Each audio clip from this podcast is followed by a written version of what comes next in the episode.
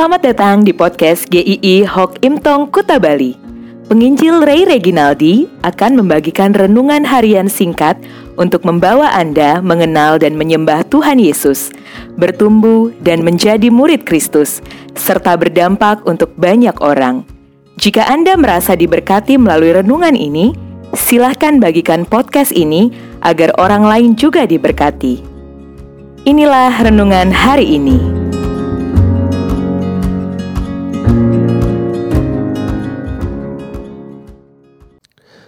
Meluaskan pandangan. Mazmur 33 ayat 20 dan 22. Jiwa kita menanti-nantikan Tuhan, dialah penolong kita dan perisai kita.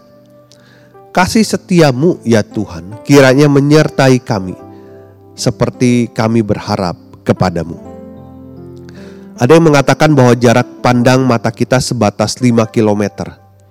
Tetapi semakin kita naik ke tempat yang lebih tinggi, maka pandangan kita bisa mencapai 11 km. Memang pandangan kita terbatas.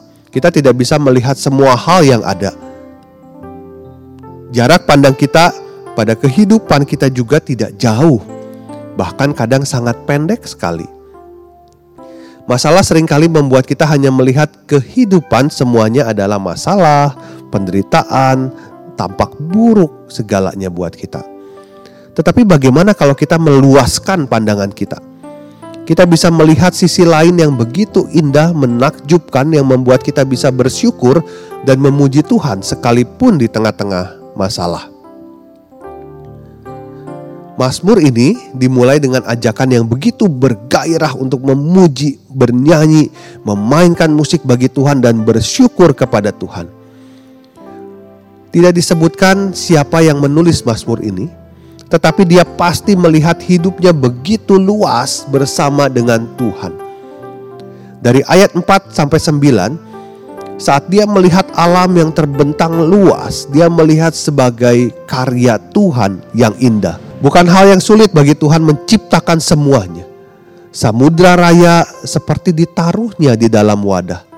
Dia hanya berfirman, maka semuanya jadi Melihat semua yang diciptakan Tuhan, kita pasti akan mengagumi Tuhan terus-menerus.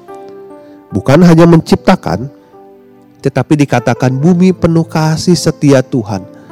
Bumi dan semesta ini bisa ada dan bertahan hanya karena ditopang oleh Tuhan.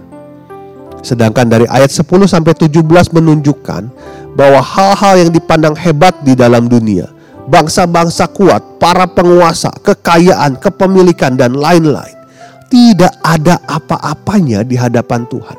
Semuanya begitu kecil dan ada dalam genggaman Tuhan. Tidak ada rencana di dalam dunia ini yang terjadi tanpa sepengetahuan dan seizin Tuhan. Matanya memandang semuanya menembus yang tersembunyi, tidak ada yang bisa berdalih di hadapannya. Betapa besarnya dan tangguhnya Tuhan, tidak ada yang bisa menggoyahkan dan mengalahkannya. Di bagian akhir ayat 18 sampai 22 dikatakan, dia bukan hanya besar dan berkuasa, tetapi dia juga penuh kasih setia, penolong, pelindung yang selalu bisa diandalkan. Maka hanya dialah satu-satunya sumber pengharapan sejati. Tuhan Yesus dalam segala kebesaran dan kuasanya turun ke dalam dunia ciptaannya. Menjadi sama dengan manusia bahkan taat sampai mati, sampai mati di kayu salib.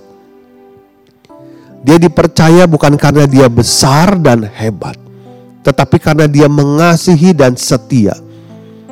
Bukti kasih setianya adalah dia tidak meninggalkan manusia dalam jalan menuju jurang kematian kekal.